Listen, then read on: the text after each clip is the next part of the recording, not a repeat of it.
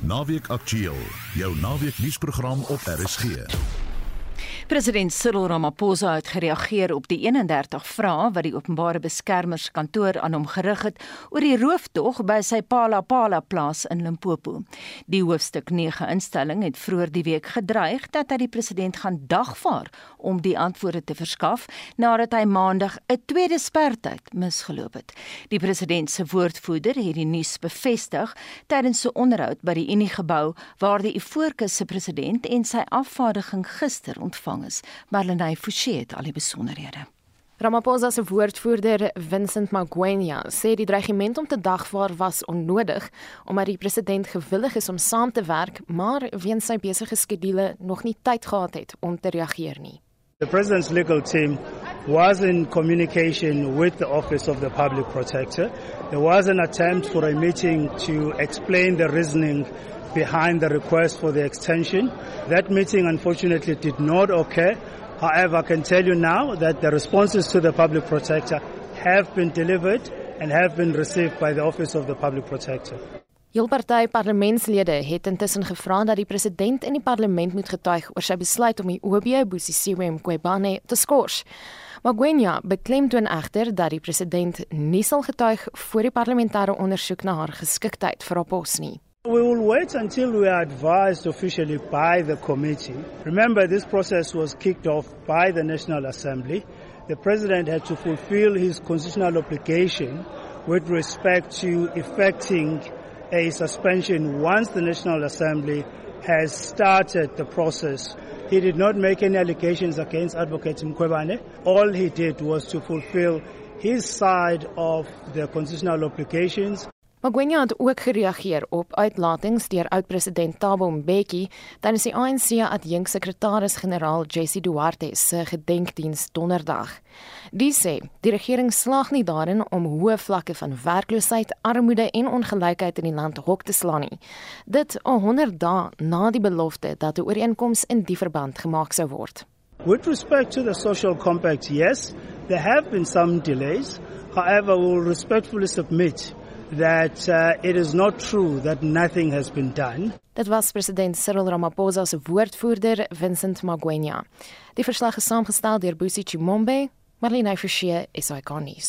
Tydens die sakeforum tussen Suid-Afrika en Côte d'Ivoire gister het president Ramaphosa gesê klein plaaslike ondernemings kan munt slaan uit uitvoergeleenthede na die voorkus. Uitvoere na die land het verlede jaar sowat 1,6 miljard rand in Suid-Afrika se koffers gestort.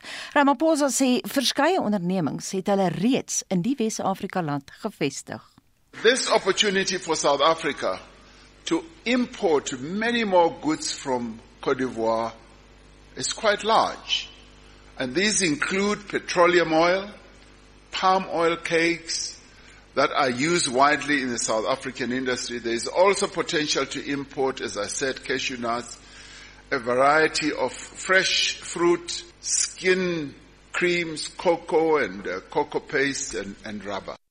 Just as there is still a great deal of work to be done to advance bilateral trade growth in terms of value, volume and composition, we need to work harder to facilitate mutual bilateral investment, particularly in infrastructure, as well as manufacturing. En so sê president Cyril Ramaphosa ons bly by die onderwerp. 'n Navorser verbonde aan die Instituut vir Sekuriteitsstudies in Pretoria, Liesel Lou Woldra, het aan Veronique van Heiningen gesê die besoek is 'n besondere geleentheid. Dit is nogal raar omdat verhoudinge tussen Suid-Afrika en die Voorkuskot d'Ivoire redelik gespanne was sedert 2011 toe president Alassane Ouattara president geword het onder baie gespanne omstandighede. Daar was 'n groot konflik tussen hom en sy voorganger in Suid-Afrika om die waarheid te sê. Sy voorganger, Laurent Gbagbo, se kant gekies in die konflik. En oud president Thabo Mbeki was 'n bemiddelaar in daai krisis. Sedertdien was verhoudinge nie baie goed nie, maar einde verlede jaar het president Ramaphosa mos so op 'n toer gegaan in Wes-Afrika, Nigerië, Ghana, die Voorkus, Senegal en toe beter verhoudinge met president Alassane Ouattara gebou. En so hierdie besoek is die uitvloeisel van daai goeie besoek van president Ramaphosa en dit is baie belangrik omdat die Voorkus is Franssprekende Afrika se mees vooruitstrewende land en potensieel 'n handelsvernoot vir Suid-Afrika. So dit dis belangrik dat ons ook goeie politieke bande het met die Voorkus. Daar's onder meer kommer uitgespreek oor die konflik in Wes-Afrika daar is wel uh, ernstige bedreigings in Burkina Faso, Mali, Niger, Burkina Faso grens direk aan Côte d'Ivoire. So daar's kommer dat in van daai lande in die noorde van byvoorbeeld uh, die Voorkus, Togo, Benin, het ons nou al sporadiese aanvalle gesien, maar in hierdie stadium in die Voorkus, die verskil dink ek in die Voorkus is dat dit is 'n uh, relatief sterk regering, beter dienslewering van die staat, 'n sterker staat as in ander Wes-Afrika lande. Soos ek gesê het is die mees vooruitstrewende land en een van die wêreld se grootste uitvoerders van kakao. Saam met Ghana is dit die twee grootste produsente van kakao. So dit is 'n land met jy weet 'n redelike relatief sterk ekonomie en mense sou dink dat hulle sou kon bestand wees teen hierdie bedreigings van terreur in Wes-Afrika. Hoe beïnvloed die geweld daar Suid-Afrika se verhouding met die Ivoorkus? daar is in hierdie stadium nie geweld in u fokus nie. Dit beïnvloed glad nie ons verhoudinge nie. Dit is kommerwekkend dat daar wel in ander dele van Wes-Afrika meer uh, binnelands in die Sahel uh, dele is daar onstabiliteit, maar in die laaste 10 jaar in elk geval is die fokus stabiel En so sê Liesel Louwondra, sy is 'n navorser aan die Instituut vir Sekuriteitsstudies in Pretoria en sy het met Veronique van Heiningen gepraat en van Afrika na Europa. Die Britse Konservatiewe Party se twee leierskandidaate is van week verkies nadat ses van hulle kollegas in verskeie stemprosesse uitgeval het. Ons het een van Brittanje se voorste politieke ontleeders, Dr Russell Foster van King's College in Londen gevra om kommentaar te lewer op die konteks van die proses. This is not a choice between a good candidate and a bad candidate. It's a choice between two mediocre candidates, and neither of them are popular with the wider British population. Die kandidaate na wie Dr Foster verwys, is die voormalige minister van Finansies, Rishi Sunak, en Liz Truss, wat minister van buitelandse sake in die Johnson kabinet was. Foster sê die kardinale verskil tussen die twee se beleidsvoorstelle is ekonomies. Liz Truss is the last Tory candidate who wants to cut taxes in order to put more money into people's pockets. Rishi Sunak, the former Chancellor, says that we need to keep taxes at a high level in order to stabilise the economy. Truss se veldtog om premier te word het die week steun gekry van Sir Ian Duncan Smith wat tussen 2001 en 2003 leier van die konservatiewe party was. Hy het die kans benut om Rishi Sunak te kritiseer vir verhoogde inflasie. Op sy beurt skryf die BBC se politieke redakteur Chris Mason dat meningspeilings toon dat Liz Truss tans die voorloper kandidaat vir die premierskap is. Dr Russell Foster stem saam alhoewel Rishi Sunak die gewildste kandidaat onder Tory parlementslede is. Hy verduidelik egter dat dit nie die lede sal wees wat voor 5 September vir 'n leier sal stem nie. There's only about 180,000 members of the Conservative Party in the UK. They are overwhelmingly male. The average age is in the mid 70s, and they are very wealthy. So these are the people who are going to choose. And if they're given a choice between Margaret Thatcher 2.0 or Rishi Sunak, they're going to choose the former. Truss beskryf haarself as tough and with grit. Russell Foster waarsku egter dat die selfbeeld 'n illusie van die werklikheid is. Liz Truss does not command a lot of confidence among the British population. She's widely seen as vapid and not as experienced as former candidates were in the 2019 and 2016 party leadership elections. So she portrays herself as being almost a Margaret Thatcher 2.0, but the broader population really doesn't see her in the way that she portrays herself. Maar Rishi Sunak het ook verskeie aspekte wat teen hom tel. Rishi Sunak was maybe the most popular politician in the United Kingdom. He was seen as charismatic, definitely a future prime minister. That has hugely changed in the last six months over his wife's tax status, over his links to Russian businesses, which have been exposed since the war, and also because of the cost of living crisis. There is now a very widespread perception among the British population that Rishi Sunak is so rich, he is so wealthy, he is out of touch. Nog 'n faktor teen Sunak is sy noue verbintenis met Boris Johnson en sy skandale. Liz Truss managed to quite successfully distance herself from the scandals and the sleaze of Boris Johnson, but Rishi Sunak was right at the heart of it. Liz Truss received no fines, no legal action over breaching lockdown rules.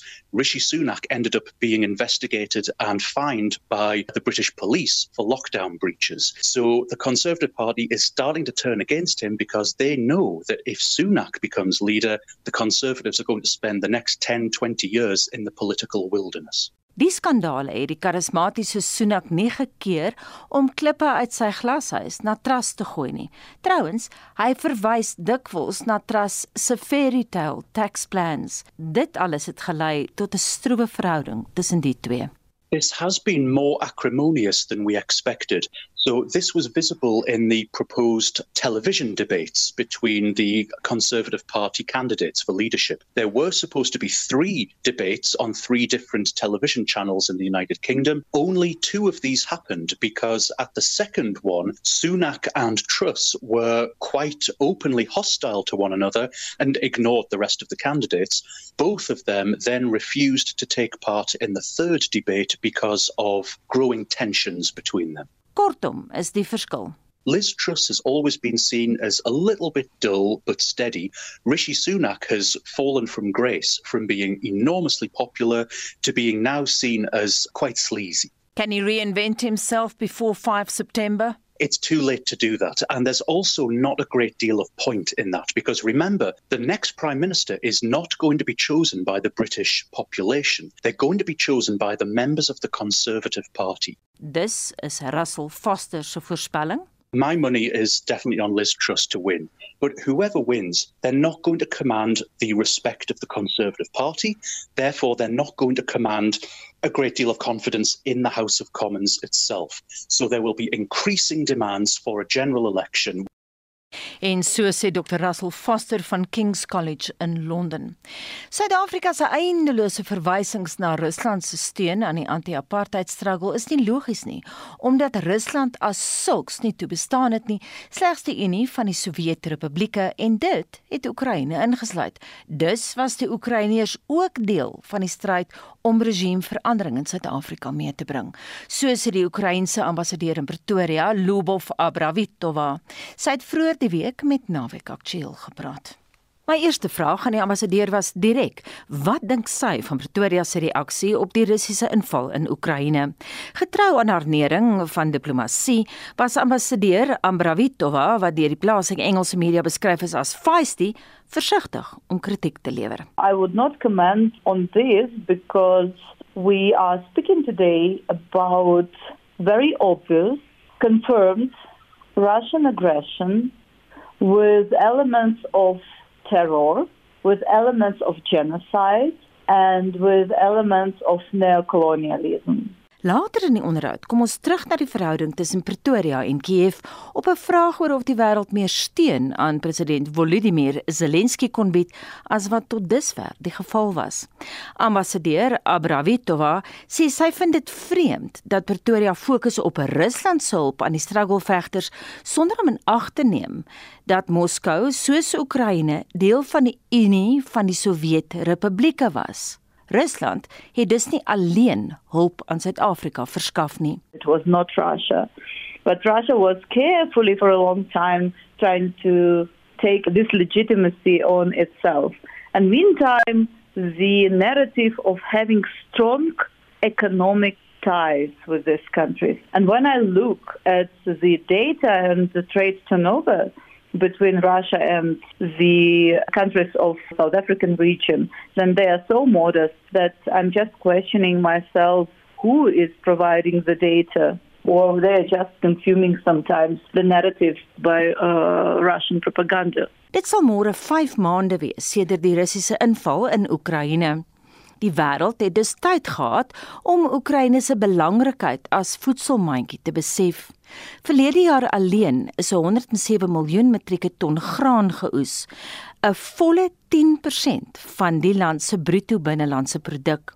Ook in 2021 het Oekraïne 28 miljard Amerikaanse dollars se graan na die EU uitgevoer, iets waarop Oekraïne se topdiplomaat in Pretoria nie min trots is nie. We always considered to be the breadbasket of Europe. We are 10% of all world wheat, 14% of all world corn, and 47% of all world's sunflower oils.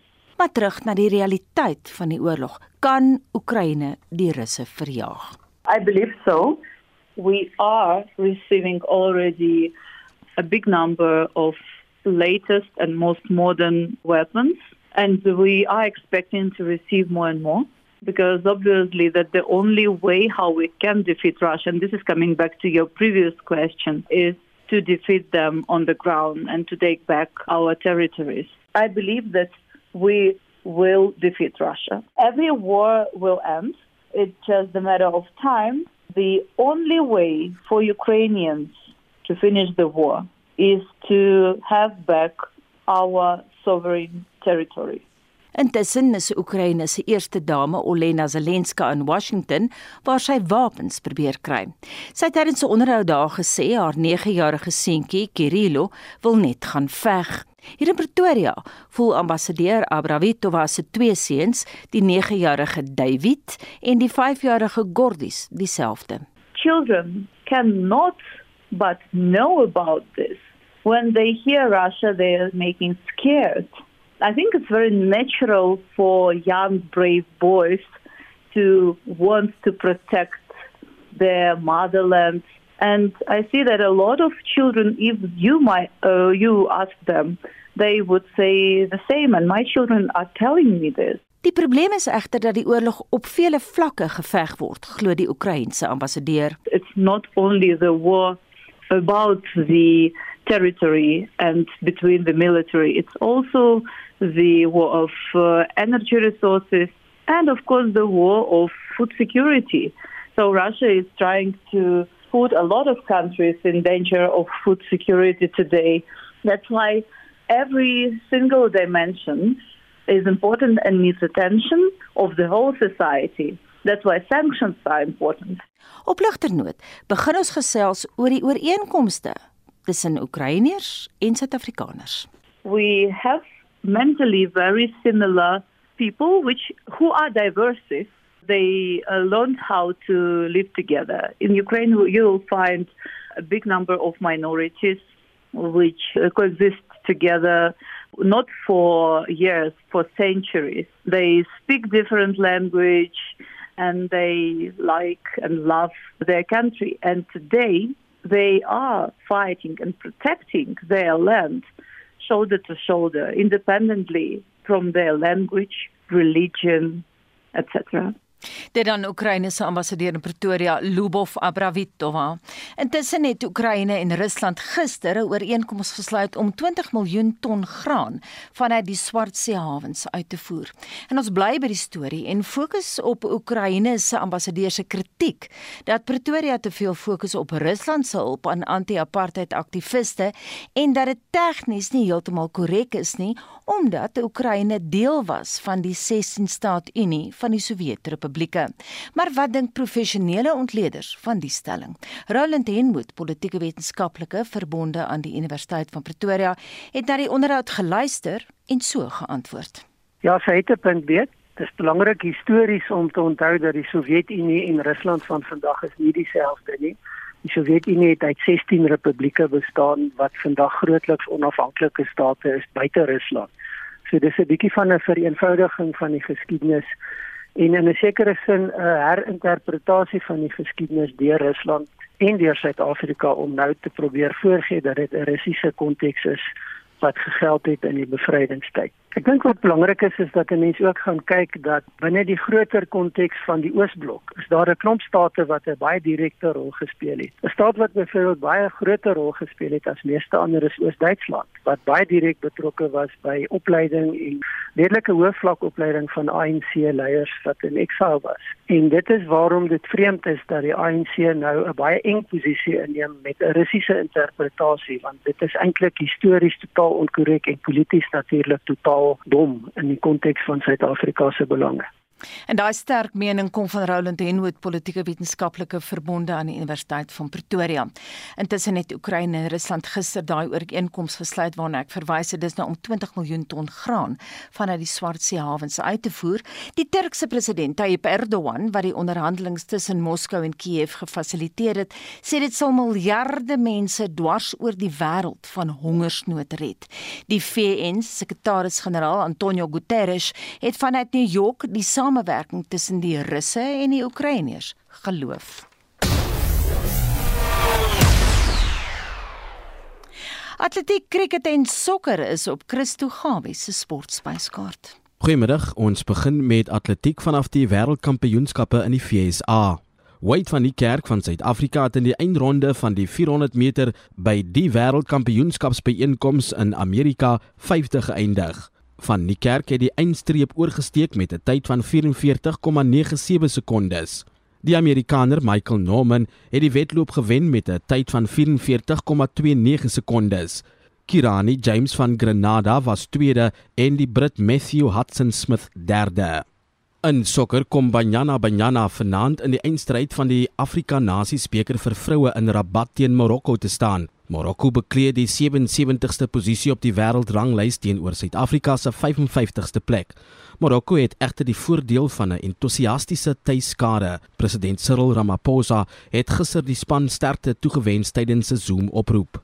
In fietsrye het Christophe Laporte van Frankryk die 19de skof van die Tour de France oor 'n afstand van 188,5 km met 'n tyd van 3 uur 52 minute en 4 sekondes gewen. Suid-Afrika se Louis Mentjies het die skof in die 21ste plek klaar gemaak en Reinhard Janse van Rensburg het 47ste geëindig. Jonas Weingart is die voorloper met 'n stewige voorsprong van 3 minute en 26 sekondes in die tweede plek. Hy sal môre in Parys as vanjaar se wenner gekroon word. In die vroue afdeling het Ashley Moelman Passio volle vertroue dat die geel trui as algehele voorloper in die Tour de France vir vroue binne haar bereik is. Die eerste skof word môre oor 82 km tussen die Eiffeltoring en die Champs beslis. In cricket is die Proteas getroof deur Engeland in die verkorte tweede eendag wedstryd tussen die twee spanne gister in Manchester. Die 83 waarvoor Suid-Afrika toe uitgehaal is, het sy laagste totaal teen Engeland in 2008 in Nottingham geëwenaar. Dit is Suid-Afrika se tweede swakste telling van alle tye na sy 69 in 1993 teen Australië in Sydney. Die wedstryd is weens reën na 29 bilbeerte aan 'n kant gister op Old Trafford verkort. Die derde eendagwedstryd word met die telling op 1-1 môre op Headingley gespeel. En daai verslag deur Christo Gawe. Dis nou 12:30 baie welkom by Naweek Aktueel. 'n Japaneese sportnuts word die week deur Wessel Pretorius geëvalueer.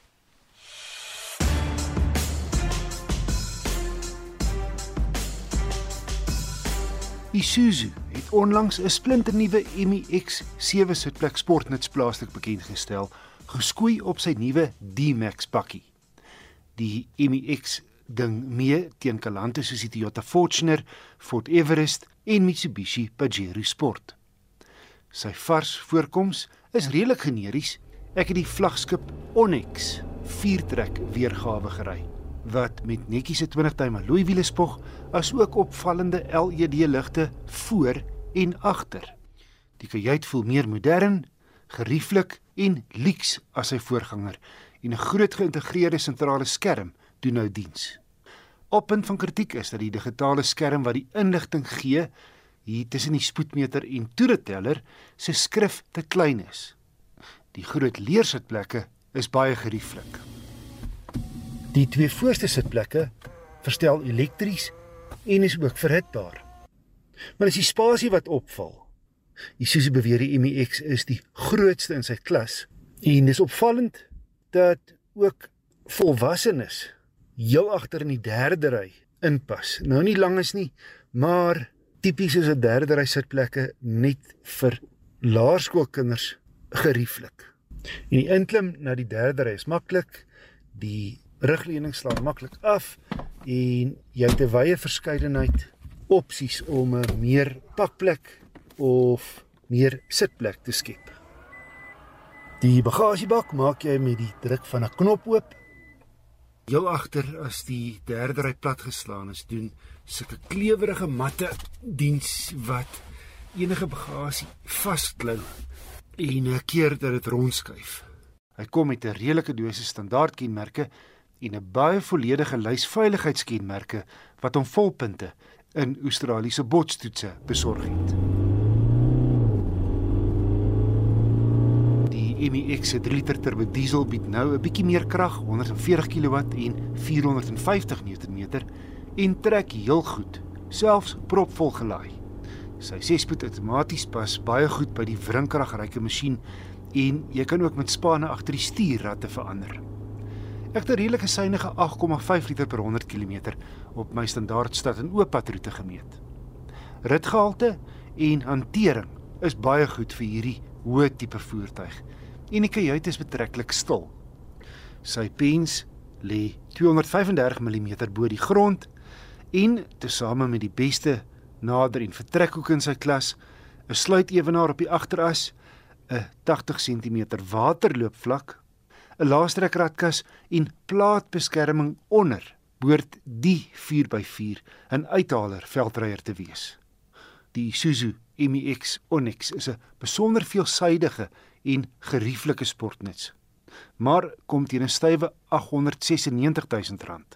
Dis tussen 20 en 25 000 rand meer as die Everest en Fortuner topmodelle wat albei effens meer krag lewer.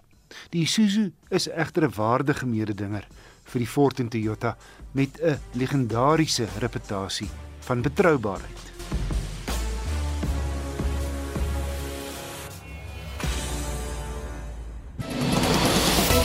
Jy luister na Naweek Aktueel elke Saterdagmiddag tussen 12 en 1.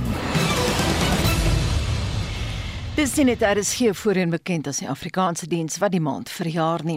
Monitor se eie Tossie Logner wat bekend geword het vir haar vrolike groet uit Italië, word Dinsdag 26 Julie 'n volle 85 jaar oud. Ek het vroeër die week met haar gepraat oor haar prettige loopbaan by Monitor wat van haar 'n soort uitsaai ikoon gemaak het. Ek wil nie dink hoorie. dit is so Ek gaan jou daar en mense vir jou sê ag man, jy lyk nie 85 nie. Nou ja, dan nee, ek is maar so aan ek lyk ook nie 85 nie. Ek voel nie 85 nie. Sê vir my, hoe voel jy oor al die jare wat jy vir Monitor gewerk het? Dis meer as 30 jaar, jy het in September 1979 begin. Ja, en geëindig in 2007 was my laaste. Dit was 'n droom vir my die hele tyd. Die blote ding dat ek dit kon kry daardie jare. Dit het onverwags gebeur. Jy weet daai dingetjies wat net skielik oor jou pad kom. Dit was my werk. Ek dit was my lewensloopbaan later. Ek het dit so geniet Anita en ek dink miskien dit is wat mense gehoor het dat ek waaragtig my werk so geniet het ek het gesoek vir stories en dan het stories na my gekom. Ek het soms nagte deur gewerk as nuwe stories verwag het. En ek kon van die oggend tot die aand net werk. Dit was vir my baie lekker. In die proses het jy die paus ontmoet en ek dink jy het 'n onderhoud met hom gevoer, nê? Nee? Ja, ja, en hier hang die foto hier so voor my, saam met meneer Pik Botha. Paus Johannes Paul II. Ja, hy het 'n omvang, weet jy, my werkies was so bietjie bietjie so so so. Toe skielik, 'n paar maande daarna toe word Paus Johannes Paul II gekies. En toe kry ek daai gevoel, ek het hierdie man gaan lekker saamwerk. Ek het alles alles oor hom gedoen tot dit gekom het by die feit dat ek hom ontmoet het die jaar, wel is die storie toe meneer ehm um, was dit 'n klerk en meneer Mandela wat die uh, vredesprys gekry het, nee, hulle was daar bo in die noorde. En toe het hulle almal afgekom Hulle het 'n afspraak gehad om vir Paus Johannes Paulus II te ontmoet en te vra die ambassade vir my, ag ek onthou nog die woorde, sou ek graag wil by wees as joernalis. Nee.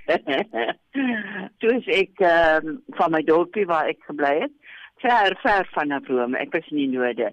Toe ek Rome toe waar almal was, waar ek 'n uh, klomp mense ontmoet het, waar ek toe die kans gehad het werklik om reg voor Paus Johannes Paulus II te staan want meneer Botha het op so gedruk na my toe. Die paus was so klein mannetjie en ons het so agter die tou gestaan en meneer Pik Botha was daar en hy het die paus so aan die gevat en gesê sir I want to introduce you to a charming lady. Wat ek baie snaaks gevind het. En ons het heerlik gesels. Hier staan ek voor die foto wat hier so hang en hy het my kruis gesien. Tosie, wat was jou belangrikste storie behalwe vir die onderhoud met die paus? Uh, nou, so baie belangrike stories. Wat was jou lekkerste storie? Waar jy die lekkerste gewerk het? Ek het so lekker aan alles gewerk.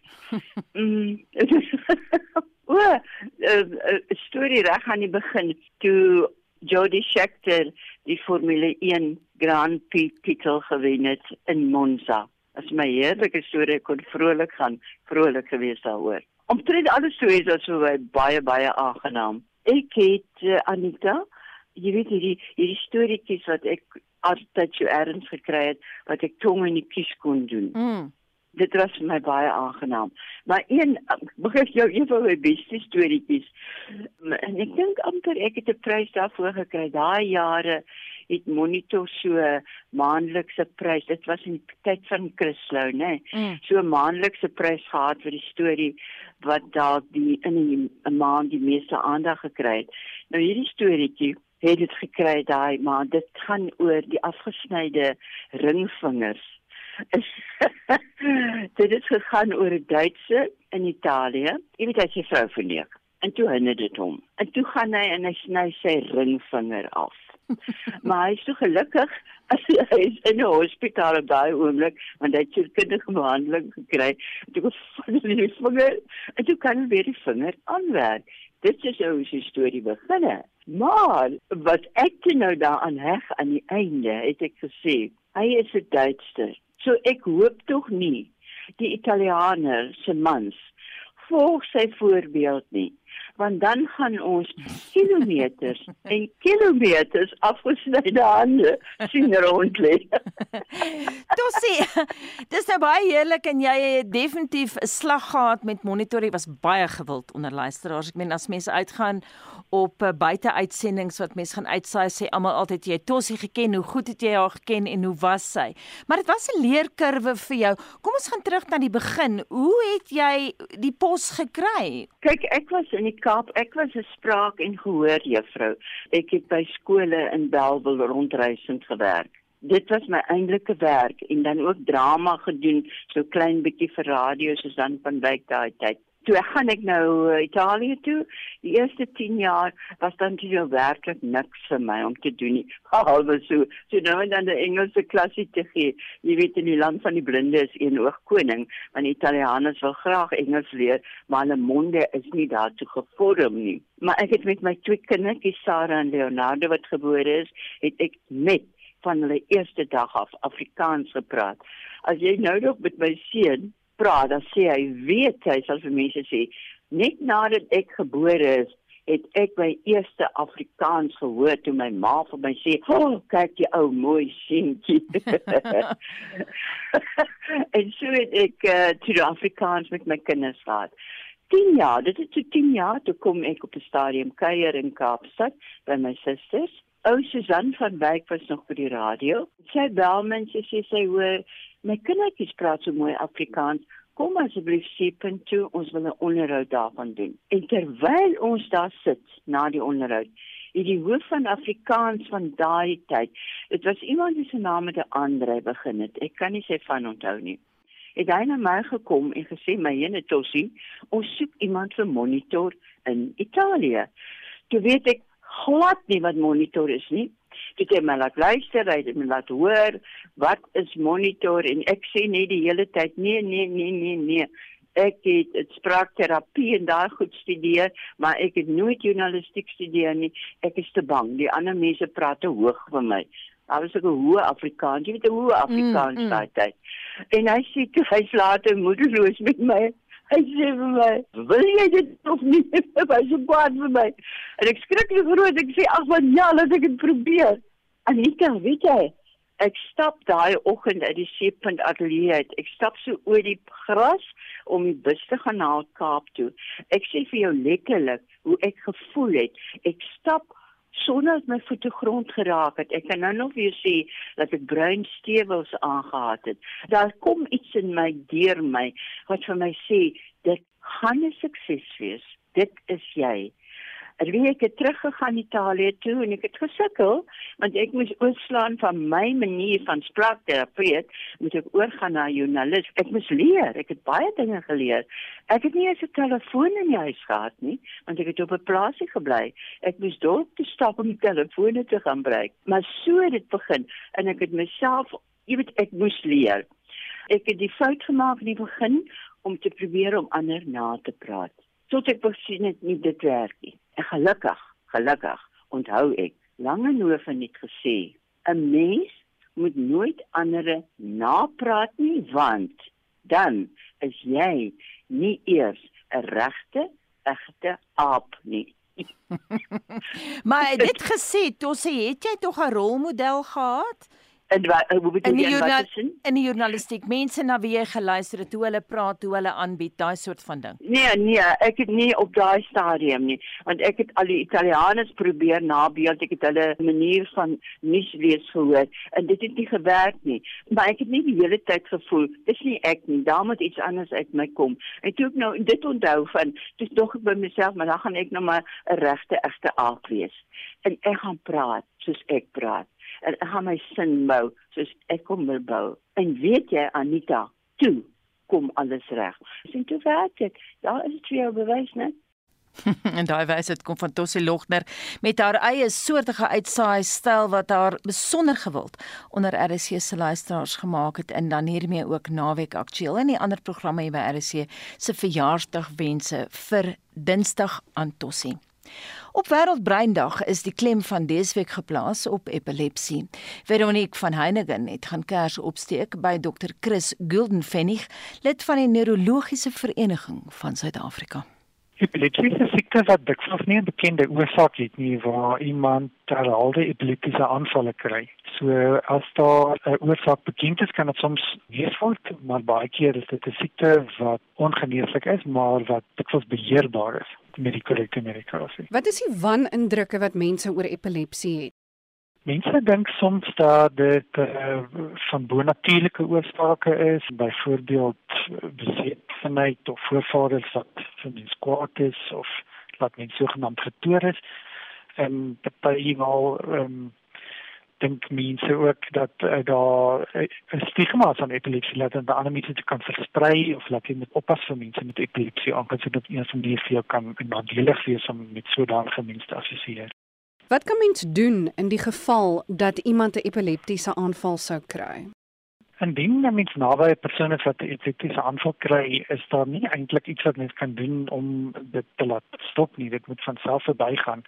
So gewoonlik is dit best om net op 'n oorlosie te kyk hoe laat dit is want mens wil weet as dit langer as 5 minute aangaan, moet mens definitief 'n ambulans skakel.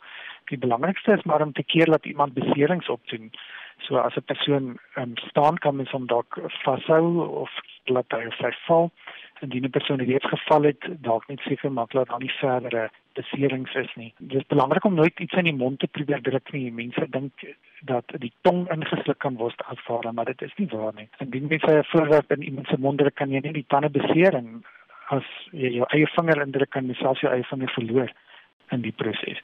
En laastens, wat is sogenaamde sudden death epilepsie? Ja, die SUDEP of um, sudden unexplained death in epilepsy is presies wat dit sê. Mense met epilepsie gaan seldsaam skielik dood. Daar word vermoed dat dit 'n verband hou met 'n epileptiese aanval, dikwels in slaap en uh, daar's baie spekulasie oor hoe dit werk. Dit is iets wat meer en meer erken word en soos wat dit meer aandag kry, word daar besef dat dit kan gebeur. Gelukkig is dit baie skaars. Kans is 1 uit 2000 na 3000 dat 'n persoon so iets sal oorkom. En daai gerusstelling kom van Dr. Chris Guldenfennig, hy is lid van die Neurologiese Vereniging van Suid-Afrika en hy het met Veronique van Heiningen gepraat. Teen die agtergrond van die afgelope kongres van swart naiweraars toon die Global Entrepreneurship Monitor South Africa sy jongste navorsing dat Suid-Afrika steeds een van die moeilikste lande is om 'n besigheid te begin. Maar professor Natanja Meyer, mede-skrywer van die Stellenbosch Bestuurskool se Global Entrepreneurship Monitor, sê daar's tog meer Suid-Afrikaners wat nou hulle eie besighede as in 2021 begin en as mens dit nou weer vergelyk teenoor 2019 dan sien jy daar's definitief daai tendens. So Gem SA is eintlik deel van 'n groter konsortium van Gem Global. So hulle is al 22 jaar besig om in verskeie lande data in te vorder oor die entrepreneurial ekosisteem. En ons is bevoorreg genoeg om al ek dink van 2001 is Suid-Afrika al deel van die Gem groter prentjie. En wat ons doen is ons samel data op twee vlakke in. Eerstens op wat ons noem die adult population survey, so dit meer op grondvlak en dan die meer broader vlak wat as ek dit so kan noem national expert survey om soort van die ekosisteem te meet. En dit gee dan vir ons 'n langtermyn meting van hoe entrepreneurskap verhoog of verbeter of verlaag oor die jare. En wat het julle gevind? Word entrepreneurskap verbeter dit in Suid-Afrika? Is daar meer entrepreneurs?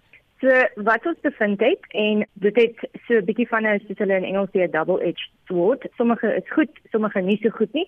So laat ek met die goeie begin want ons wil nou nie, jy weet, net op die slegte fokus nie. In 2021 en ons weet dit was 'n rowwe jaar met COVID en uh, lockdowns en alles wat gebeur het met die ekonomiese groei wat afgegaan het ensovoorts. Maar 'n baie baie positiewe bevinding uit ons verslag is dat entrepreneurskap intensie, so mense wat beplan om entrepreneurs op te tree in die volgende jaar of 2 of in die kort termyn as ek so kan stel, het dramaties verbeter.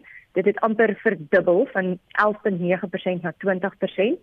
Die early entrepreneurial stage wat tussen nou nuwe outjies is wat nou net intree en nou net begin, dit het ook goed verbeter. Dit het van 10.8 na 17.5% begin of verhoog en dan selfs ons uh, bestaande besighede het ook verhoog en dit is van 3.5 in die vorige jaar na 5.2 laas jaar.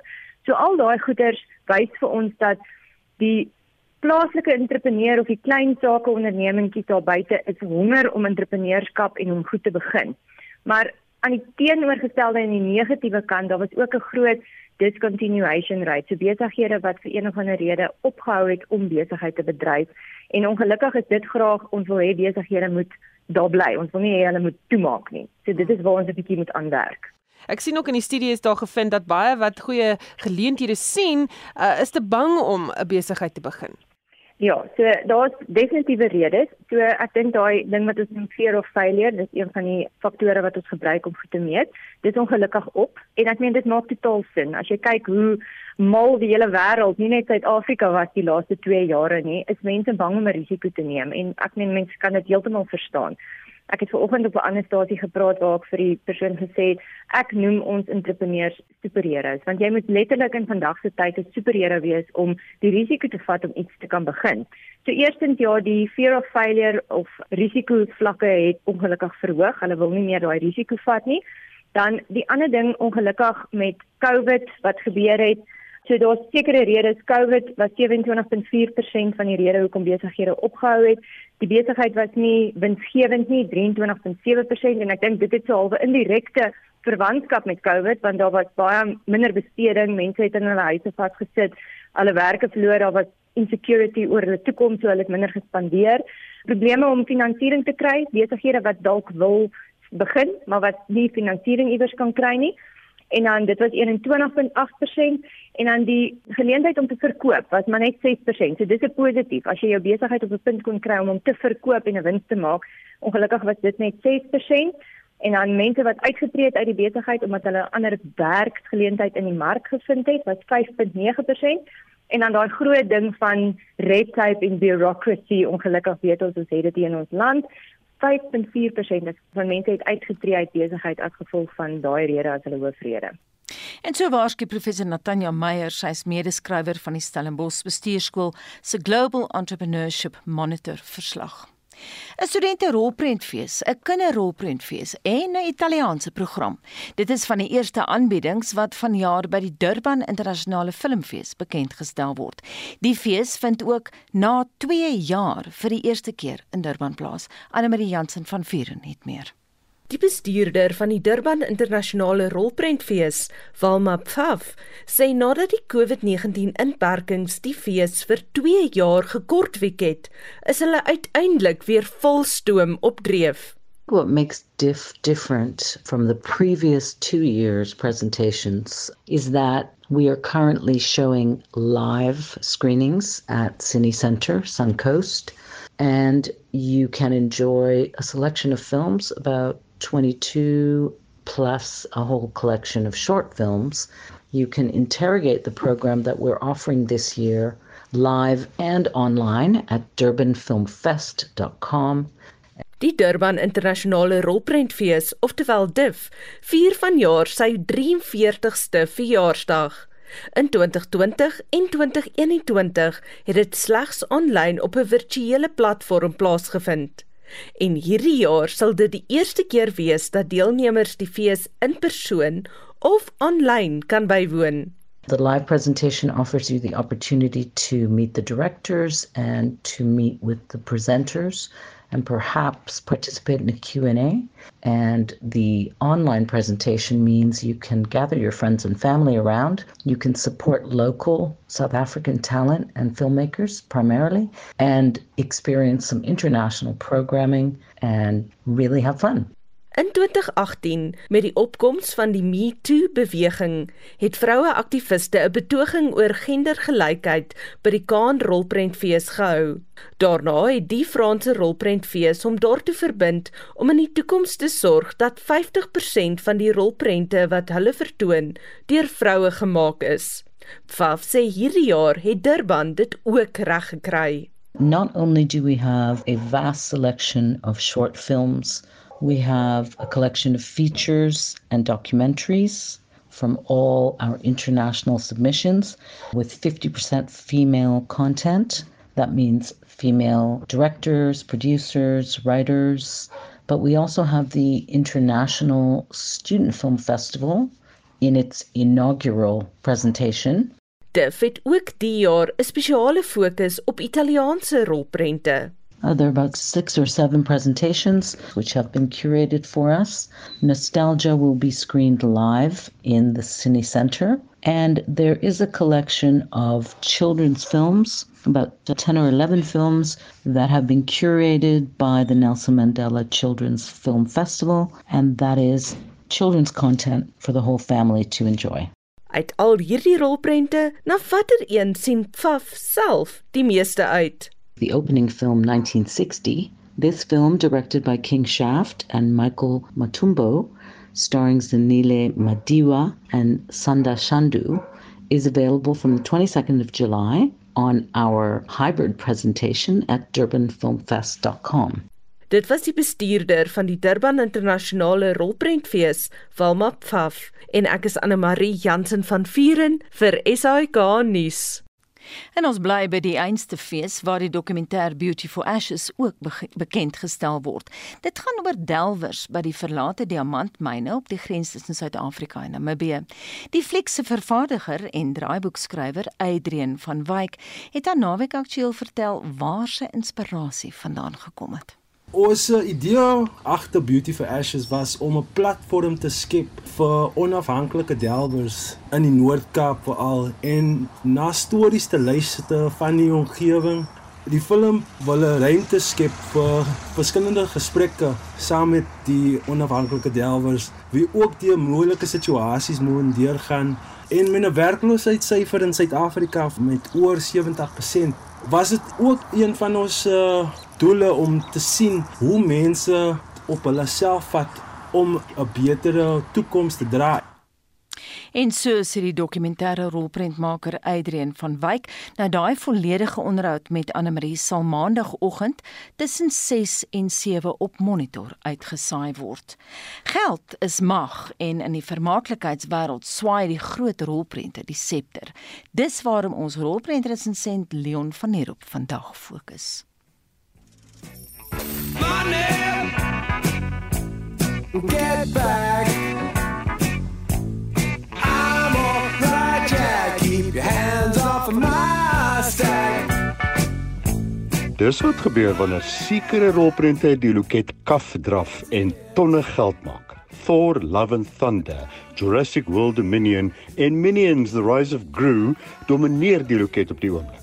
Hulle maak soveel geld dat net een armsalige fliek van Desweek op die kringloop begin na verlede week so groot teaterdroogte en dit is die fiasco Hot Seat.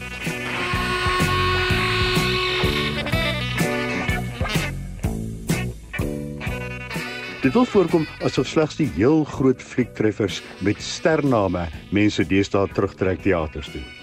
Die volgende grootte is te loops Brad Pitt se Bullet Train maar eers op 5 Augustus Bullet Train. Bad day to go to the park, I guess. It's a custom job. I don't think this is the end game. As jy nou moeg videospeletjies op jou selfoon gespeel is, wys Mel Gibson weer sy gesig in Hot Seat bebaard en al. Die storie lyk of dit nabootsings van ander flieks se oorblyfsels of outtakes is wat uit 'n mikrogolf gehaal is en in 'n pizzaboks gedruk is. Net jammer die kors het gebrand. 'n Oud kuberkraker, Kevin Dillon, sit op 'n stoel en kan opgeblaas word as hy nie 'n miljoen dollar op die web steel nie. Wie anders as skuurpapierstem Mel Gibson, 'n man wat bomme onskadelik maak, moet hom red. Hy word gehelp deur Shannon Daggerty, wat jy miskien nog van TV mag onthou. Nou daar is 'n moeilike dame. Al die spelers is om die Engelse woord te gebruik has-beens. Dit maak die ropren so vermoeiend soos jy na 'n lang kuier met vreemdes voel. Aksie, ontploffings, 'n rondhollery, skokgolwe deur die gemeenskap en 'n bom wat tik vorm deel van Hot Seat wat eintlik reguit na 'n stromingsnetwerk toe moes gegaan het. Hot Seat 4 uit 10. En so van stromingsnetwerke gepraat. Showmax het Catch Hell onlangs op hul filmlys geplaas.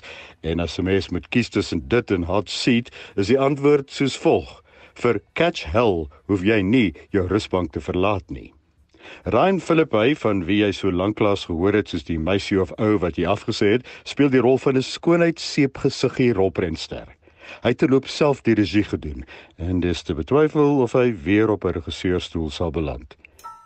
Wie het die karakter ontvoer en hoekom? Hy word gemartel, bespot en seergemaak, maar daarom nie so erg dat dit sy mooi gesiggie beskadig nie. As jy nou dink ek is vernydig, wag tot jy Catch Hell beleef het. Al twee hierdie vollengte flieks is irriterend swak. Moenie dat Catch Hell jou in sy vuurwarm struik vang nie. Ook nie Hot Seat nie. Catch Hell kry 3 uit 10 op Showmax.